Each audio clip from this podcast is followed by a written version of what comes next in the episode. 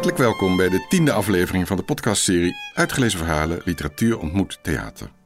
In deze reeks maak je even simpel als effectief kennis met het korte verhaal in zijn vele verschijningsvormen. We vragen beroepsacteurs ze komen voorlezen in het theater tijdens een avondvullend programma met verhalen en muziek. Ik ben je gastheer Pieter van Scherpenberg, samensteller van dat theaterprogramma. In deze podcast hoor je de mooiste verhalen van die avonden terug. We gaan zo van start met een vers opgenomen verhaal. Op 14 mei weer klonk het in Theater Bouwkunde Deventer. Dat is voor ons drie dagen geleden. Voor jou als luisteraar hangt het natuurlijk helemaal af van de vraag wanneer je deze aflevering afspeelt. Het verhaal dat je gaat horen is geschreven door Djoeke van Turenhout en staat in haar debuutbundel die eind 2018 uitkwam. Olifanten warm houden heette die. Zo heet hij nog steeds. Ja.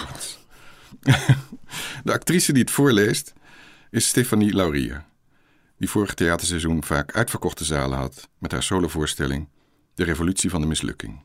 Schrijfster Djoeke van Turenhout was aanwezig bij genoemde voorstelling en is nu ook hier in de studio. Welkom Djoeke, fijn dat je er weer bent. Ja, nou, fijn dat ik er mag zijn. Alweer. Ja. Tot nu toe had ik altijd aan het einde van de podcast een oproep om ook eens naar zo'n voorstelling te komen.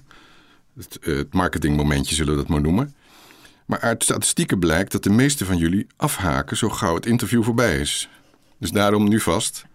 Op dinsdag 17 september is onze eerste voorstelling van het nieuwe seizoen. Maar we tellen gewoon door. De 20ste editie wordt dat. Het enige dat vaststaat is dat acteur Marcel Faber daaraan meedoet. Dat deed hij al vier keer eerder. Onder meer tijdens onze roemruchte Lowlands editie in 2015. Kaarten zijn al te koop via de site van theaterbouwkunde.nl. Dan nog een excuusje voor de oplettende luisteraar die wel tot het einde van aflevering 9 heeft volgehouden. Daar kondigde ik aan dat je het verhaal van de Duitse Karen Keuler zou horen deze maand. Plus een interview met haar vertaler Gerrit Bussink. Sorry, maar die verschuift naar na de zomer. Het pas uitgekomen debuut van Djoeke vroeg erom dat te laten voorgaan. Dan kun je, als we je overtuigd hebben na deze aflevering, haar bundel nog kopen voor je vakantiekoffer.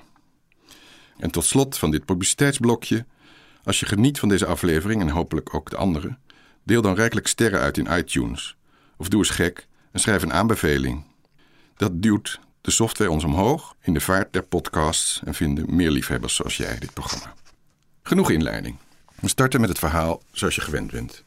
Voordrager is, zoals ik zei, Stefanie Laurier. Ik zag haar ook al genoemde solo twee jaar geleden op Oerol en was onder indruk van haar mooie stem, podiumpresence en, ik geef het duidelijk toe, haar schoonheid. Sindsdien probeerde ik haar elke voorstelling te boeken en dit keer is dat dus gelukt. Ze is komende zomer in een nieuwe productie te zien op de parade in Den Haag, Utrecht en Amsterdam. Ga dat zien. Het verhaal dat je zo gaat horen is uit de debuutbundel Olifanten warm houden. Ik zei het al. Het verscheen eind vorig jaar bij uitgeverij in de Knipscheer.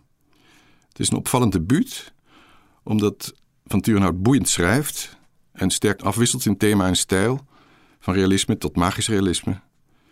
We gaan zo na het verhaal in gesprek, dus luister eerst naar Stephanie Laurier, die van Djoeke van Turenhout leest De Vlucht.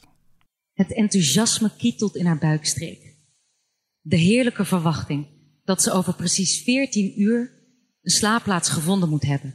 Ergens in Azië, ergens in een stadje waar ze nog nooit geweest is. Ze houdt van avontuur van reizen. Ze richt zich op. Ze weet dat ze geen tijd kan verlummelen vandaag. Maxime? Maxime draait zich van haar af. Het is niet dat hij niet op vakantie wil, dat zou onzin zijn. Maar wat het wel is, weet ze nog steeds niet. Ze vraagt het hem niet meer. Maxime, kom je? We moeten de trein van 7 uur 20 hebben. En zo begint de routine van haar opgewektheid die getest wordt. Een koffiezetapparaat dat absoluut nog ontkookt moet worden. Snapt ze dat dan niet? Een laatste enorm belangrijke mail. Hè, daar komt ze nog wel achter als ze later zelf ook werkt. Een stofzuigerzak die onmogelijk drie weken kan blijven zitten. Dat ze daar niet aan gedacht heeft. Het opwarmen van het strijkijzer. Zo blijven zijn kleren langer kreukelvrij tijdens de reis.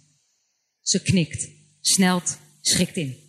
Haar backpack staat als belofte voor de deur. Ze zucht opgelucht als ze eindelijk in de trein naar het vliegveld stappen. Maxime loopt vooruit. Ze hoeft hem alleen maar te volgen. Haar backpack is zwaarder dan verwacht. Veel zwaarder dan de acht kilo die ze zelf heeft gepakt. Maxime, ze volgt hem door de volle coupés heen, Heb jij aan mijn backpack gezeten? Nou, ik, ik heb er wat dingetjes bij gestopt. Jij had zoveel plek over. Ze zwijgt. Gewoontegetrouw. Ze weet hoe ruzies tussen hen ontstaat. Kleine dingetjes die groot worden. Een inktvlek uit het kruikje van Serafaat. Ze grabbelt een restje opgewektheid bij elkaar. Uh, wat dan? Oh, gewoon een uh, boek, nog een paar schoenen, een föhn. Een föhn? Ze let erop niet te hard te praten. Maxime houdt niet van luidpratende mensen in het openbaar vervoer. Eindelijk komt er een lege stoel in zicht. Met twee stappen heeft Maxime die ingenomen. Juist voordat een knul met een koptelefoon op zijn hoofd zich erop kan laten zakken. Hebbes, zegt hij, zonder oogcontact te maken. Een Ze stabiliseert zich in het gangpad en laat de backpack van haar rug glijden. En ze zet hem op de tenen van haar bergschoen. Je zweet. Ze herinnert zich het compliment van gisteravond. Over een potloodschets die ze van hem had gemaakt met de zachte 4B, haar favoriet. Ze herinnert de warme roes die het haar gaf en probeert die sfeer terug te brengen en te laten groeien door haar wil alleen. Liefde die zo groot groeit als een volle tweede klas coupé tijdens de spits. Nee, groter nog. Liefde die alle inzittenden verzacht. Het werkt niet. Ze ziet zijn ogen afkeurend afglijden naar haar natte oksels. En ze denkt aan de föhn in haar backpack. Een boek. Welk boek? A Long Walk to Freedom. ja, maar we gaan niet naar Zuid-Afrika. We gaan naar India. Oh, wat is er, liefje piefje? Jij zegt altijd dat het de moeite van het lezen waard is. Ze heeft een hekel aan het woord altijd gekregen. De lucht die je net ervoor moet inzuigen. De veroordelingen die je mee kan formuleren. De fouten die ze nooit ziet, nooit zo bedoeld heeft en die er desondanks toch zijn. De jij ook altijd. De altijd vragen. Waar ze ondanks haar op handen zijnde cum laude gewoon geen antwoord op heeft. Ze houdt niet van routine. En misschien is dat het ook. Het voortdurend terugkerende altijd, steeds maar weer dat gemene woord dat dwingt en haar huid striemt. Ze voelt aan haar backpack en pakt het boek uit een zijvak. Het is haar boek, ingebonden. Het rust zwaar in haar hand. De spieren van haar pols tot het randje van haar t-shirt spannen aan. Maxime, dit weegt meer dan een kilo. Nou, dat maakt toch niet uit, piefje. Ik heb onze bagage gewogen en het gewicht beter verdeeld. En nu past het allemaal perfect. Jouw backpack weegt net iets meer dan 12 kilo. Ze voelt de hartslag van Maxime's onverschilligheid kloppen tegen haar versleten spijkerbroek, tegen haar slapen. Ze ademt in, volgt de teug tot haar spieren zich ontspannen. Aan de andere kant van het raam vertragen de buitenwijken van Utrecht. Ongrijpbare streepjes die de vormen van bakstenen, lantaarnpalen en donkerblauwe auto's aannemen. Het is een indrukwekkend boek, zegt ze. En ze vergeet te glimlachen. Uh, wilt u hier zitten? Ik moet eruit. Een oudere dame achter haar maakt aanstalten om overeind te komen. Ze steekt haar hand uit om het fragiele lijf, bijeengehouden door een muisgrijze regenjas, te helpen. Graag, zegt ze. De fletse, oudblauwe ogen zijn verrassend streng en de gevlekte vingers sterk. Ga je met vakantie, meisje? Jazeker, mevrouw. En waar naartoe, als ik vragen mag? Chennai, Zuid-India. Oh, schitterend, meisje. Schitterend. Ze glimlacht die speciale glimlach, die als een sprinkhaan onverwacht op haar gezicht landt. De vrouw bekijkt haar aandachtig. Wat heerlijk dat meisjes dat nu kunnen doen. Ik was op jouw leeftijd al getrouwd en mijn man hield niet van reizen. Ja, daar ging je toen niet tegenin. De deur van de trein gaat sissend open. U moet gaan. Kom, ik loop even met u mee naar de uitgang. Ze zet haar backpack op de vrijgekomen stoel. En ze houdt de warme, droge hand nog steeds vast en ziet de schoonheid in de verstrengeling van oud en nieuw. Hun vingers omhelzen elkaar. Dat is vriendelijk van je, mijn kind. En weet je wat ik zo mooi vind? Als ik naar jou kijk, dan zie ik hoe sterk een vrouw ook alleen kan zijn. Vroeger dacht ze dat vrouwen zonder man kwetsbaar waren. Ze knikt. Vroeger. Geniet van je reis. De coupé is bijna leeg. De deur aan de andere kant begint zakenmensen te spuwen. Ze wendt haar ogen af en zoekt Maxime. Zijn stoel is leeg. Zijn backpack is weg. En bij het raam leest een grijzige man zijn krant met een aanstootgevende onverstoorbaarheid. Waar is Maxime? Een leger bewapende mieren loopt over haar rug naar haar schouders. En waar is haar backpack? Ze zakt op de zitting. Die oude vrouw? Een dief, misschien. Maxime is dan natuurlijk achter de dief aan. Ze grijpt haar telefoon, begint aan een sms. Schudt haar hoofd, stopt, haalt adem. Dan belt ze het nummer van Maxime. Haar eigen stem vertelt haar dat hij momenteel niet in staat is de telefoon op te nemen. Ze hangt op. Uh, zoekt u een uh, backpack? Tegenover haar stopt een ronde tiener haar smartphone in een fluoriserende schoudertas. Heeft u iets gezien? vraagt ze ademloos. Uh, een magere man nam me mee. hoe zag die eruit? lang, blond haar, beetje ouderwets broek. Ja, hij droeg zelf ook een backpack, een splik splinternieuwe zo te zien. Maxime, ze veert op. dank u wel. En waar ging hij naartoe? Het meisje schokschouderd. Mm, die kant op. Hij moest vast naar de wc. Ja, ze kent hem. Te ongeduldig om op haar te wachten. Excuses makend werkt ze zich door de menigte heen. Coupé, klapdeur. Wat zijn er veel mannen met bruin haar? Trap, klapstoelen, een groep meisjes, nog een deur. En dan bereikt ze het toilet. Leeg. Niemand heeft een lange, slanke, blonde man gezien met een backpack. Uiteindelijk vindt ze hem in de eerste klas. Het licht vangt juist zijn blonde haar en ze denkt aan India, aan avontuur. Hé, hey, ik was je kwijt en mijn tas ook. Maxime legt traag zijn vinger onderaan de bladzijde die hij aan het lezen is. Maar kijk niet op. Dat was niet handig van je om, zomaar weg te lopen. Ja, nu was ik het. Maar iedereen had je spullen mee kunnen nemen. De Schipholroute staat er bekend om. Ik had je toch gevraagd om een oog op mijn backpack te houden? Ze herstelt zich. Fijn dat jij het was die hem meenam en niet een onbekende. Al zou die teleurgesteld zijn geweest met zijn vangst.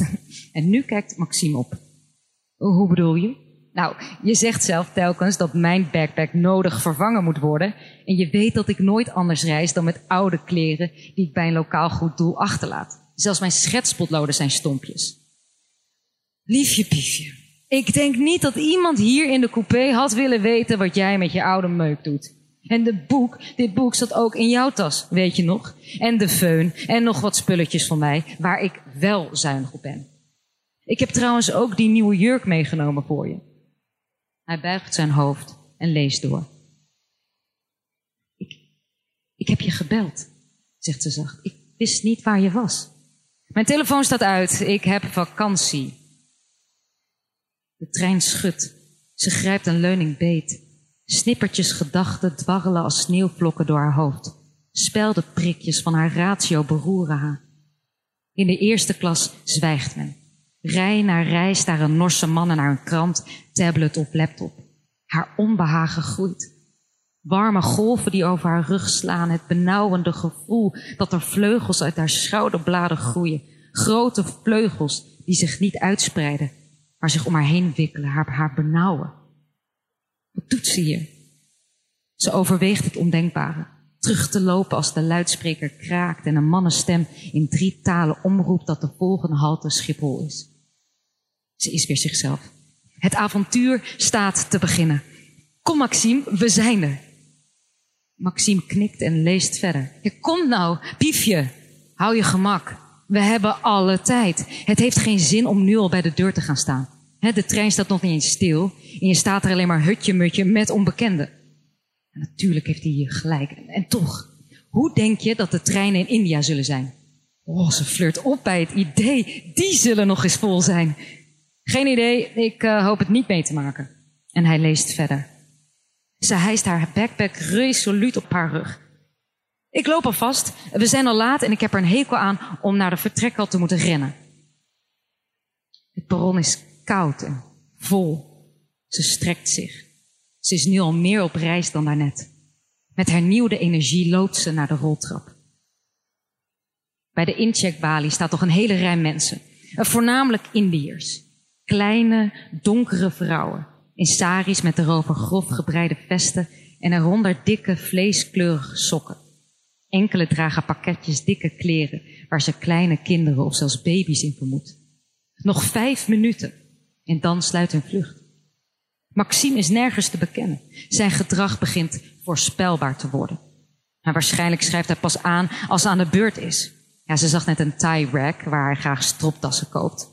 Nou, het is toch zonde als we beiden onze tijd staan te verdoen in een rij? Zo hoort het hem zeggen. De mensenslang beweegt een beetje en ze kijkt weer om zich heen. Vooraan staat een jonge vrouw van haar leeftijd. Alleen. Ze draagt haar blonde haar in een hoge paardenstaart. En naast haar voeten staat net zo'n verkleurde backpack als die van haar. Ze bladert in een Lonely Planet en lijkt te fluiten. Dat had ik kunnen zijn, denkt ze. Maxime houdt er niet van als ze een simpele staart draagt, hoe comfortabel ook. Het heet niet voor niets een paardenstaartpiefje. Laat zo'n kapsel maar aan de knollen over. Het meisje lijkt haar blik te voelen en kijkt om. Wat zou ze zien? Zweetplekken? Maar nee, ze glimlacht en zegt luid: Eindelijk, daar ben je, kom, hier staan. Even weet ze niet wat te doen. Ze, kent het meisje niet. Ze draait zich om en scant de ruimte achter haar. Nog steeds geen Maxime. straks missen ze hun vlucht. Ze grijpt haar tas, lacht breed uit en roept terug: Ja, ja, ik, ik had je helemaal niet gezien. Uh, je nam je telefoon niet op. ze passeert de lange rij. Elke stap brengt haar dichter bij haar vlucht. Hé, hey, zegt ze ademloos. Hey, lacht het meisje. De sproetjes op haar gezicht bewegen mee. Heb jij even geluk dat ik hier bijna aan de beurt ben? Ja, je bent wel erg laat. Living the adventures life. Hou op, schei uit. We vertrokken te laat en miste de trein. En daardoor kwamen we hier pas net aan. Ik heb echt moeten rennen. Ik zag het al gebeuren dat we nu al na het gedoe toch niet naar India gingen. Dus dank je wel. Lachen gaat gemakkelijk nu. Geen dank. Als ik ooit eens zo'n dag heb, dan hoop ik dat er iemand me helpt. En wie is wij? Ineens praat ze. Uh, woorden tuimelen uit haar mond. Elke zin is een opluchting. Een boek, een heel dik boek dat ze niet meer hoeft mee te torsen. Hoe Maxime eigenlijk helemaal niet reizen wil en al helemaal niet naar India. Hoe ze zelf de knoop had doorgehakt en een ticket had geboekt. En hoe ijzig kwaad hij daarop was geweest. Hoe hij dagen niet met haar gesproken had, haar zelfs had genegeerd. Hoe hij uiteindelijk zwijgend ook een ticket boekte. Hoe ze de trein miste, omdat hij nog op perron nieuwe veters in zijn schoenen wilde doen. Als ze uitgeraasd is, schaamt ze zich. Sorry, mompelt ze. En daar stond je niet op te wachten. Geloof me. In het dagelijks leven ben ik best normaal. En is Maxime heel lief. Het meisje legt een hand op haar schouder. Instinctief krimpt ze ineen. Maar deze hand is warm en vriendelijk. Geeft niks hoor. Ik lig er niet wakker van. Ik heb zelf ook eens zo'n fout vriendje gehad. En waar is hij nu? Heb je hem achtergelaten in de trein? Fout vriendje? Ze denkt aan de schetsen die ze van hem heeft gemaakt. Maxime in zijn fauteuil, Maxime gebogen over zijn werk. Maxime is toch de enige geworden in haar leven. Haar alles. Een fout vriendje is iemand die vloekt en drinkt. Een man die slaat, die rookt. Ja, een fout vriendje. Het meisje kijkt haar aandachtig aan. Een golf koud trekt op vanuit haar ribben en ze rilt als een zuigeling die uit een warm bad wordt getild. De koude lucht in, hoger en hoger, gedragen door handen die ze moet vertrouwen. Het licht wordt scherper, de wereld wordt scherper, ze wordt zelf scherper. 4b wordt 7h. En dan, terwijl de grondstewardess wenkt, opent ze haar backpack. Uit een zijvak grist ze een plastic tas. Haar handen graaien, ze werkt door, haar vingertoppen voelen aan de voorwerpen in haar tas. En voor haar ogen ziet ze, als in een schets, wat ze aanraakt. Het oude t-shirt dat ze ooit kocht, Maxime's extra paar schoenen. Wenst u naast elkaar te zitten? vraagt de stewardess vriendelijk. Ze werpt een allerlaatste blik over haar schouder en wist onmiddellijk de zwaaiende arm en de versnellende voetstappen uit tot een grijze veeg. Wacht even, roept de stem van Maxime. Graag, antwoordt ze. Met een zwier die de aarde uit haar normale baan zal brengen, plaatst ze haar versleten backpack op de band. En dan draait ze zich om. Piefje, piefje, uh, ik heb een verrassing. Ik dacht dat we niet meer op tijd waren voor de vlucht. En toen heb ik ons vast omgeboekt. We gaan naar Milaan. Is dat niet heerlijk? Doe, jij hebt die nieuwe mooie nieuwe jurk al bij je. En we kunnen... Ik heet Indy zegt ze. Haar ongeloof niet langer verbergen. In die. En je hebt ons helemaal niet omgeboekt. Ik had mijn ticket hier. Jij bent te laat. Ik was op tijd. Ze knikt naar de stewardess die daar op de band in beweging zet en haar haar paspoort en instapkaart overhandigt. Maxime kijkt hoogst verbaasd haar tas na. Biefje, begint hij zelf. Indie. Dan trekt zijn kaak strak. Ah, wat kent ze die harde lijn, het wegtrekken van de warmte, waarbij hij zijn stem laat snijden. Ze zet zich schrap, haar benen iets uit elkaar. Doe niet zo belachelijk, daar zitten ook mijn kostbare spullen in, hè? Haal dat vod onmiddellijk terug, het interesseert me niet hoe. Ze grijpt de plastic tas van de grond, verbaasd over het lichte gewicht. Hier, zegt ze, alles wat jij kostbaar vindt zit hierin. En mijn boek mag je houden. Ze trilt. Indy, kijk me aan. En dat doet ze.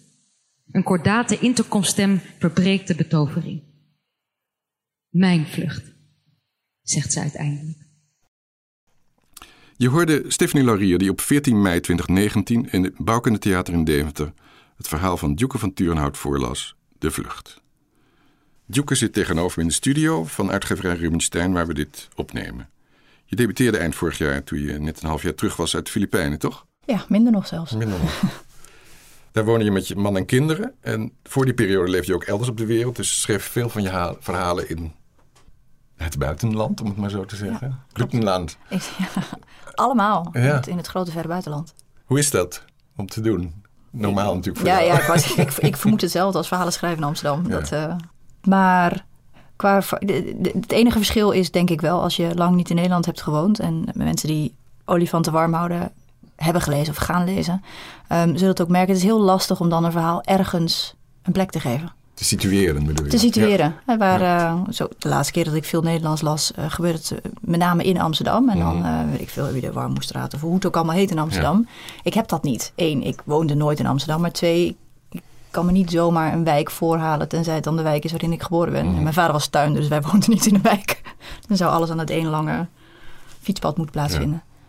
Dus, dat, dus dat is dan een beetje puzzelen. Um, ook naar de essentie dan denk ik meteen van waar een verhaal over gaat versus waar het plaatsvindt. Precies, dat het niet zoveel uitmaakt in welk straatje ja, ja, precies. Ja, ja, dat het meer om de emotie gaat dan om waar. Ja, heel goed. We gaan toch even terug naar de zojuist gehoorde voordracht. Uh, je was erbij. wat ervaar je, ervoer je daarvan dinsdagavond? Ja, nou, dit is voor de, ja, ik vond het dus magisch. Ja. Dat vind ik echt heel flauw om te zeggen, omdat het natuurlijk mijn eigen verhaal was. Um, maar aan de andere kant, ik heb daar natuurlijk op gezweten en ik heb erover nagedacht. En ik heb daar woorden uitgehaald en bijgezet en uitgehaald en bijgezet. Uh, en, en zo verder. Um, en ik vond het onwijs spannend dat ik daar zag. Terwijl ik wist wat ging komen natuurlijk, ja. want ik heb het geschreven. Om dat dan... Voor, het was niet echt voorlezen, het is meer dan voorlezen. Ja. Acteurs, acteurs doen zelfs met een tekst in handen meer dan voorlezen. Ja. Dus met mimiek, het was echt zo'n extra ladingen overheen... dat ik het zelfs gewoon spannend vond. Ook al wist ik hoe het afliep. Ja, maar ook inhoudelijk spannend. Dus. Ja, ja, ja. nee, echt, ik had echt een fysieke reactie op. Ik vond uh, dus zeg maar, een deel van mijn hersenen dacht... wow, dit is gaaf. En, en, een deel was gewoon echt toeschouwer. Uh -huh. Dat was heel, uh, ja, heel bijzonder. Ik herinner me van Gerrit Komrij... die zijn eerste toneelstuk had geschreven... en dat was in de Schouwburg hier in Amsterdam... Uh, opgevoerd, première. En toen werd hij na afloop door volgens mij het NOS-journaal geïnterviewd. En die werd, kreeg ook de vraag, hoe voelt dat nu? Nou, je voelt je God, hè, zei hij. Het woord is vlees geworden. ja, nou ja, nou ja, ja, precies. Ja, ik kende ja. het ook niet, ja. Ja, heerlijk blasfemisch. Ja, nee, het, ja. Was, het was absoluut, nee, het was, ja, ja, nou, ik zei dus magisch. Ik vond het absoluut magisch, ja. Mooi. Tot ieders verbazing, verrassing had uh, Stefanie aan, het, aan de afloop van het voorlezen, voordragen, met de muzikant Jan Terlouw junior en de technicus in de zaal afgesproken dat ze nog even op zou blijven. En bond toen heel zelfbewust haar loshangende haar in een staart. Dat, ja, dat was stilspel, wat ik fantastisch vond. Hoe kwam het op jou over? Oh ja, nou, ik vond het dus echt meer dan... Ik vond het echt ja. geweldig, want... Ja. Maar dan moet je dus... Hè, wat in het verhaal... Ja. ja. precies. Dus je hebt... Um, daar mag ik over ja. uitweiden. Dus je hebt zeg maar de, de, de hoofdpersoon, een vrouw, eh, die is onderweg naar Schiphol. De rest van het verhaal moet je zeker zelf lezen. Um, komt achteraan de rij, gaat misschien haar vlucht niet halen. Voor in de rij staat iemand die zij had kunnen zijn. Uh, maar dan een stuk uh, met meer zelfvertrouwen en die heeft een paardenstaart. en ze heeft een vriendje die vindt dat paardenstaarten, dat, moet ze maar niet doen, is voor de knollen. Daarom heet het een paardenstaart. Dus dat ze aan het einde, als dus hè, de verandering heeft plaatsgevonden, eh, het verhaal dus af is, dat ze dan dus haar haar opbindt. En maar ook daar, als je dan dus een, een actrice hebt, en ik vond het fantastisch deed, haar lichaamshouding veranderde ook. Ja. Zij was ook echt veranderd. En ze bond haar super zelfverzekerd op. Ik vond het echt fantastisch. Ik zat echt, echt met van die gebalde vuist van, zie je dat, zie je dat? Helemaal af, ja. Ja. ja. briljant. Ik wist het ook niet. En ik, Nee, het heeft ons allemaal mee verrast, behalve dus degene die ze Ja, heel betrokken sterk. had in het, eh, in het verhaal of in de, die voorbereiding.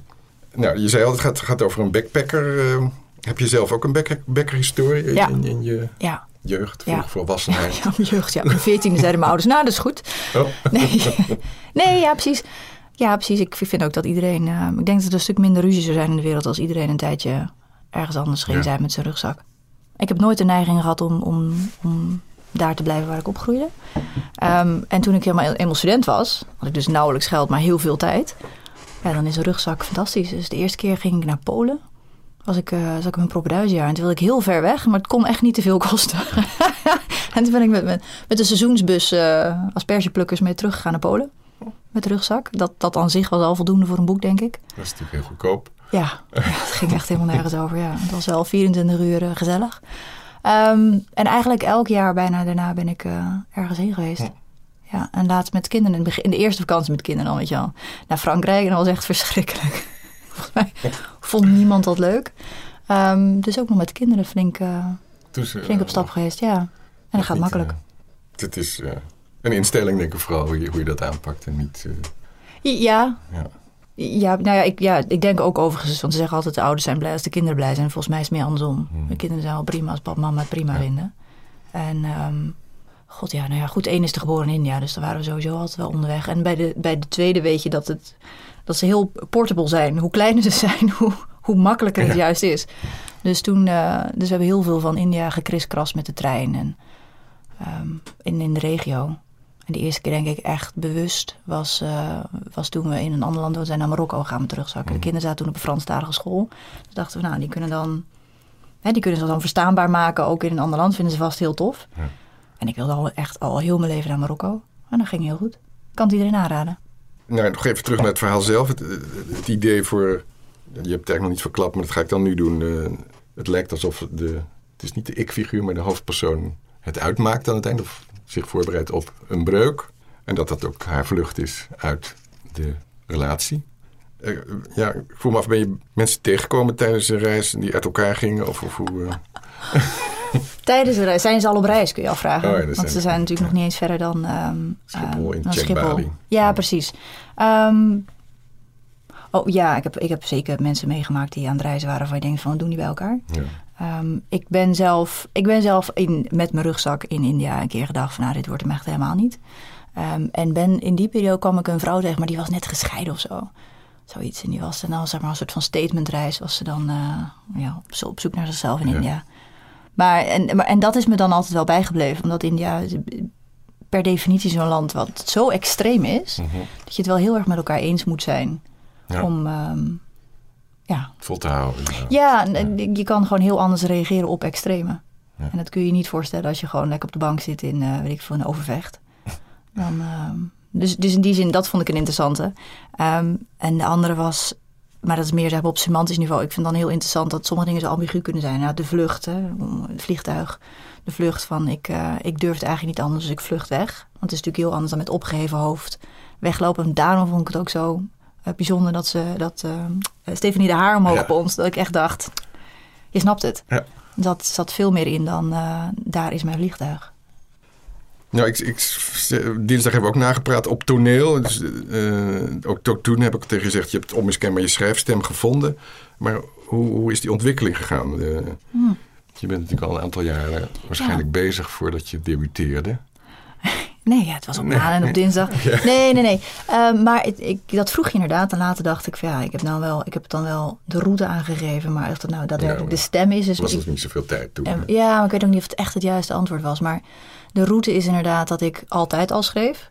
Ehm, echt altijd al, zeg maar. Ik ben gaan mezelf leren schrijven toen ik vier was. Mhm. Eh, zo interessant vond ik woorden en lezen en dat soort dingen. Ehm, En eigenlijk vanaf de brugklas had ik zoiets van, nee, dit, dit gaat, dit, later ga ik gewoon boeken schrijven. Mhm. En daarvoor ook al, je had de en dan kon je dan stukjes van een boek insturen, zelf schrijven. En dat was een soort van kettingbrief. Ja. Bestaat dat nog? Iedereen, kon- elke, keer Iedereen- kon je, elke keer een vervolgstukje, kon je zeg maar pitchen. Zo. En dan kon dan een boek mee winnen. Nou, echt beter dan dat werd het niet. Dus dat, eh, dat deed ik ook. En uiteindelijk literatuur gestudeerd. Geen journalistiek, want toen moest ik me aan feiten houden. Daar schrok ik heel erg van. En tegenwoordig had het trouwens niet eens meer gehoeven, bedenk ik me nu. Maar Nee. toen eh, waren feitelijke, feitelijke journalistiek was toen nog eh, de norm. Ehm, maar ik, ja, weet je wel, en literatuur studeren is iets heel anders dan schrijven. Dus het heeft even geduurd. Eh, ben gewoon gaan werken, gewoon een kantoorbaan. En werd ehm, door die kantoorbaan eh, naar het buitenland gestuurd. In, ehm, in Rome mocht ik eh, bij het World Food Program mijn expertise inzetten. Ehm, en dat vond ik natuurlijk fantastisch. Dat ik ineens Ja. in Rome, weet je wel, was echt een snotaap nog. Ehm, en ik moest elke ochtend de trein en dat was dan zeker ook al hilarisch. En dus mijn mails over hoe dat dan ging als, eh, als vrouw in Rome, die, eh, die gingen een eigen leven leiden. En die kwamen uiteindelijk bij het Financieel Dagblad terecht. En Iemand die heeft dat doorgestuurd. ja, dat, de mensen Ja. stuurden dat door, omdat het, het was ook echt wel heel grappig. Moet je zelf nooit serieus nemen in, ehm, vind ik, in reisverslagen. Ehm, en dus die, die, die mailde mij van hoe lang zit je nog in Rome? Zou je voor ons niet willen bloggen? En het, ik had echt nog twee weken, acht dagen. Ik had echt niets over en ik wou dat natuurlijk doodgraag. Maar ja, dus uiteindelijk heb ik gezegd, nou ja, nee, het zit eigenlijk op, maar ik kan wel columns schrijven. Toen zeiden ze, oh ja, kun je dat? Ik had het echt nog nooit gedaan. dus ik denk, ja, nee, dat kan ik. into- Ja, ja, maar dat- ja, ik heb dat niet- was er, dat is natuurlijk. Precies, en, dus daar, eh, en dat is dan ook gebeurd. Dus ik heb daar columns geschreven en daarna ben ik benaderd door Intermediair. Ehm, en daar columns voor geschreven. Nou, toen zijn we dus ben ik naar India om te gaan, gaan wonen en te gaan werken. En in die periode, ik was niet de leading career, dus eh, ik kon wel mijn, eh, mijn baan zeg maar, behouden in India. Maar de, ehm, de reden dat we naar het buitenland gingen was voor, eh, voor de vader van de kinderen. Ehm, en toen onze tweede dag geboren werd, dacht ik, ja, het was allemaal ik weet niet of je als in India bent geweest, maar het was, de, de- de- leven is daar echt een actief werkwoord. Dat, dat, dat vergt gewoon heel veel actie. Ehm, wat niet noodzakelijkwijs te combineren was met twee kinderen en, en twee banen. En eigenlijk wilde ik ook gewoon schrijven. Dus ik had zoiets van, ik moet nu serieus nemen, dus ik ga het nu beginnen. Nou, dat is echt jaren geleden. En pas later, toen wij in Brussel woonden, heb ik de schrijfsacademie gedaan. En toen zat ik, zat ik minstens al anderhalf jaar muurvast met een, eh, een eh, novel-lengte manuscript. En daar werd mij goed bedoeld, misschien niet al te vriendelijk, maar zeker goed bedoeld gezegd dat, ik, ja, dat het hem gewoon niet ging worden. Maar dat ik wel heel goed korte verhalen kon schrijven. Ik denk, wat zwets je toch? ik vond het helemaal niet leuk om te horen. En toen ging ik thuis in mijn memory stick kijken. dacht ik, potverdorie, ja. En ik haal die columns er nu bij. Want ik, ik had jarenlang mijn punt gemaakt binnen 450 woorden. Ja, ja. Dus ik heb Dus echt... dat is jouw, de korte baanblik. Jouw, Ja, ja en, en ik heb er later ja. juist echt mijn best op moeten doen om dus over die 450 woorden heen te komen. En dan langzaam naar 750. Een soort van marathon oefenen en dan naar 1000. En Mhm. heel lang nog op 1500 woorden gezeten. Dus, eh, dus zo. En pas toen ben ik het ook echt gaan lezen. Ik las het niet. Ik bedoel, zit er nou in hemelsnaam in een kort verhaal? Denk je, ja, totdat je ze gaat lezen. precies. Dus, ehm, dus daar. Ja. Dus de- toen heb je ook je voorkeur, je, je voorkeur bepaald om het zelf te schrijven. En ben je ook veel meer gaan lezen in Ja. het korte verhaal. ja, dus echt zeg maar ergens in 2013 eh, ben ik echt, eh, echt grootverbruiker eh, geworden. Ja. En het is het is, het is vermoeiender dan een roman lezen. Je kan niet, althans, ik kan dat niet, tien korte verhalen op een dag weghappen. Dat is gewoon te veel. Dat is net alsof je zeg maar de hele dag eh, op, een, eh, op een huwelijk staat handjes te schudden. Weet je? Dat is gewoon te veel. Ja. Dus dat, eh, dat maakt het tempo wat traag. Maar ja, ik vind het heerlijk. En ja, ik kan er echt van genieten. Van schrijven overigens ook. Gelukkig, maar ja. Ehm, dus ja, je had een, een, een romanlengte klaar liggen. Die werd een beetje weggebonjourd. Sluit je uit dat je er ooit nog eens zult schrijven? En Nee, ik sluit niks uit. Ehm, daar is het leven te spannend voor. Maar ik moet wel zeggen, dat was een, dat was een kinderboek. Mhm. Ik ben overigens dol op kinderboeken, dus ik lees heel veel kinderboeken. Ook toen ik geen kinderen had en nu ze eruit groeien, het maakt me allemaal geen fluit uit. Ehm, maar, oeh, er zijn heel veel goede romans op de wereld. Mhm. Er zijn ook echt heel veel slechte romans op de wereld. Ik heb het vermoeden dat slechte korte verhalen minder snel worden uitgegeven. Omdat Ja. korte verhalen sowieso al minder snel worden uitgegeven. Dus alleen maar de betere zullen in printvorm verschijnen. Dat is mijn eigen theorie. Ja, dat eh, zei Sanneke eh, vorige keer ook. Oh ja? Ja. Kijk, Kijk, Dus, eh, er vind- komt weinig uit, maar wat eruit komt is dan wel goed. ja, kijk, nou zie je, misschien moet ik haar maar eens bellen en zeggen: wij zijn, wij zijn straks beste vriendinnen. maar ehm, Zanneke van Hassel was het overigens, beste luisteraar. ja, de, de go-to name in korte verhalen in Nederland. Ja. Nee, maar ik, ik ben wel effectief. Maar dan goed, dan praat je ook met uitgevers en die willen allemaal liever wel een roman. Ehm, en het voordeel van in het buitenland wonen is dat je heel veel verschillende dingen leest. Ik bedoel, ehm, India bijvoorbeeld, nu toch al genoemd hebben, is Engelstalig. Dus onder andere een van de talen is Engels. Ehm, en die heeft een cultuur op zich. Dus ik kon daar ook heus wel boeken uit Europa kopen als ik daar mijn best voor deed. Maar dat hoeft niet, want ze hebben hun eigen cultuur. Ja. Ehm, en de eerste drie boekwinkels die je tegenkomt, daar ben je al zo blij mee dat je de boekstands op straat die je tegenkomt, ben je al zo blij. Dus ik heb, ben heel veel andere dingen gaan lezen en, ik, en nu denk ik van ja, een roman hoeft dus niet altijd heel saai te zijn. en, over, en over mensen met ja, niet heel veel spannende dingen die daar toch heel erg mee in de knoop zitten Ja. te gaan. Zo, en klinkt dat heel abstract en heel Nee. cynisch. Ik bedoel het niet cynisch. Nee. Ik ben zelf niet zo'n thrillerlezer, want dat is natuurlijk... Als je in, in West-Europa woont en er is iets mis, dan is het vaak dat. Ja. Dan is het vaak een thriller. In andere delen van de wereld waar het er minder goed voor staat... zijn de problemen gewoon van een andere orde. En, en soms kan het zo meeslepend worden geschreven. Mhm. Dan denk ik, nou, misschien moet ik maar eens een roman gaan schrijven. Ja. Maar ik, ja, korte verhalen blijven natuurlijk gewoon korte verhalen. Je ga je natuurlijk nooit wegsturen. Nee, precies. Door je internationale jaren, we hadden het erover, eh, publiceer je ook af en toe in het Engels, heb ik begrepen. Is dat, eh, ja, waarom is dat eigenlijk? Ik het jou Ehm, vragen. Ja, het, het, je linkt, het goed genoeg? het linkt allemaal... ehm, ja. Oh, grote uitspraak. Mijn Nou ja, Engels, nou nee, mijn je Engels is wel serieus goed. Vertrouwen in hebt, Ehm. en, dan- dan kan dat ook natuurlijk. Ehm, maar het is niet zo goed als mijn Nederlands. En wat het nadeel is van, ehm, van jaren in het buitenland wonen... is dat je Engels heel goed wordt. Maar het zal nooit zo goed worden als dat van J.K. Rowling. Ehm, en je Nederlands wordt, wordt een stuk minder. Ik bedoel, het moet ergens vandaan komen.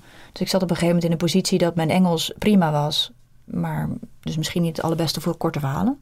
Maar je heel specifiek echt op woordniveau moet kiezen van welk woord dekt de lading het beste. En je, ik wil dus inderdaad met ambiguïteit spelen. Nou, dat is lastig in andere talen. Dat gezegd hebbende, ehm, met name in Engelse en Amerikaanse literatuur... je hebt daar heel veel literaire magazines. En die wereld is heel groot. De Engels sprekende wereld is heel groot. Ja. Je hebt Amerika, je hebt Engeland, je hebt Australië, je hebt Nieuw-Zeeland. En die hebben allemaal handen vol met eh, literaire bladen. En die hebben allemaal weer echt bulkende portemonneeën met geld. Dat heb je in Nederland niet. Nee. In Nederland doen we alles voor de eer. Ik, ik, ik besmeer mijn boterhammen met eer. Ik, eh, ik, ik zeep mijn hoofd in met eer. Het is alles voor de eer. Dus in die zin is dat een, een grote potentieel waar je dan in kan eh, tappen. Ehm, Lukte dat ook wel, het gepubliceerd ja, te krijgen? nou, ja, En, nou, ja, ja, toch wel uiteindelijk. Ja. het is een kwestie van, eh, van volhouden. Ehm, eh, met heel veel dingen. In eerste instantie... ehm, dus nou, lang verhaal heel kort. Ja, ik heb een aantal eh, echt professioneel laten vertalen... waarvan ik dacht van, nou, deze zijn goed. Of die vind ik goed genoeg. Of die, ja, die, die hebben wel een minimum waarvan ik denk dat ergens anders eh, iets mee kan. Een aantal kon ik zelf vertalen gewoon om, omdat ik heel goed in het ritme zat. Ehm, en dat is dan ook makkelijker, want bij sommige buitenlandse bladen daar accepteren ze geen vertalingen. Er zijn er een aantal in de wereld die dat juist expliciet wel doen.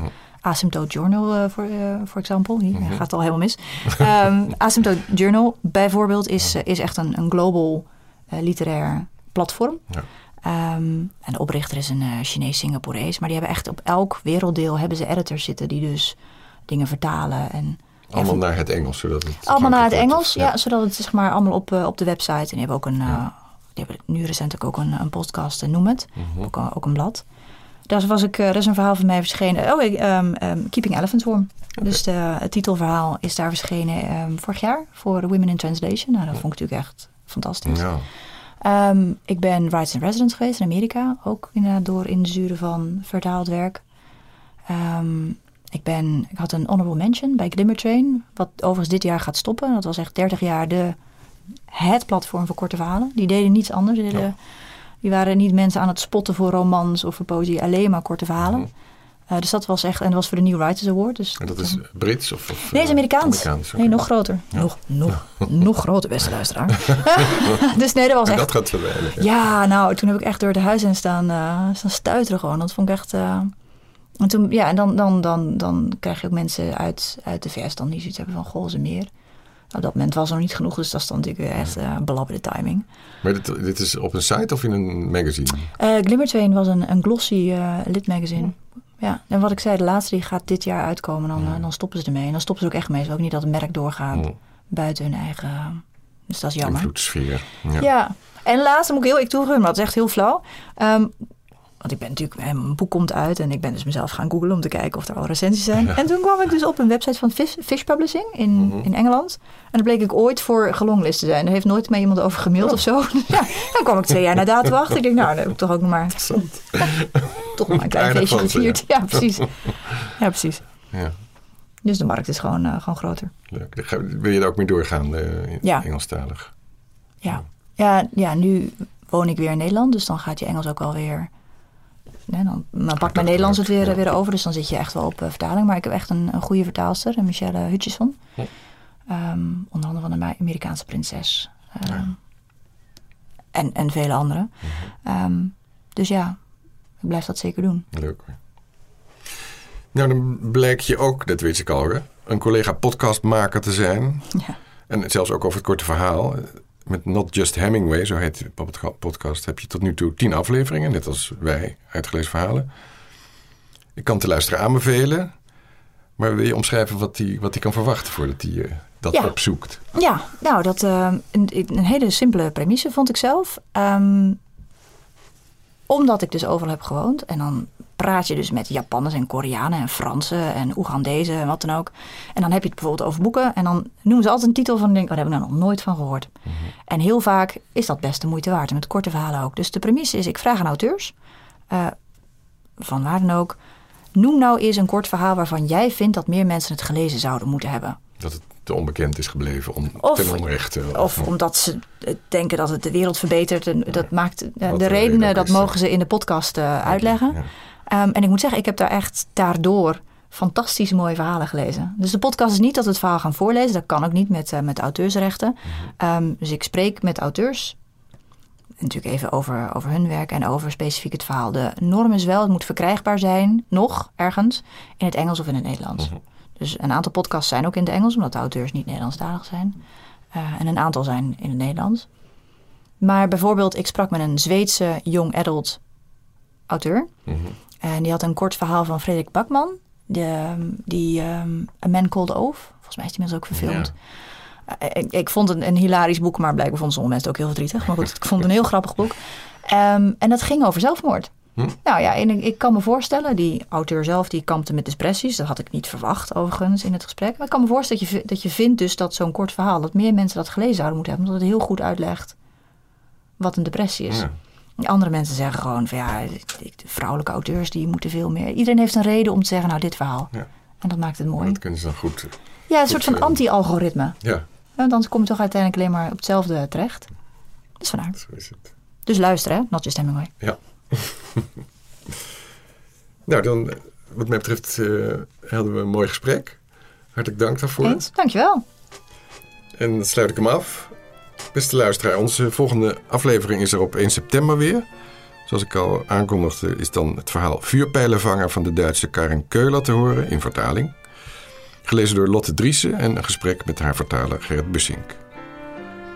Deze aflevering is ondersteund door de MAOC Gravin van Bijland Stichting, het Prins Bernhard Cultuurfonds Overijssel en de Deventer Cultuurclub. Aan deze aflevering werkte mee Joeke van Turenhout, Stefanie Laurier, Floor Minnaert voor de opname, Dirk-Jan van Ittersum voor de montage. De herkenningsmelodie is van Amir Swaap en Sietse van Gorkom. Ik ben Pieter van Scherpenberg en gids je door deze tiende aflevering. Graag tot een volgende keer.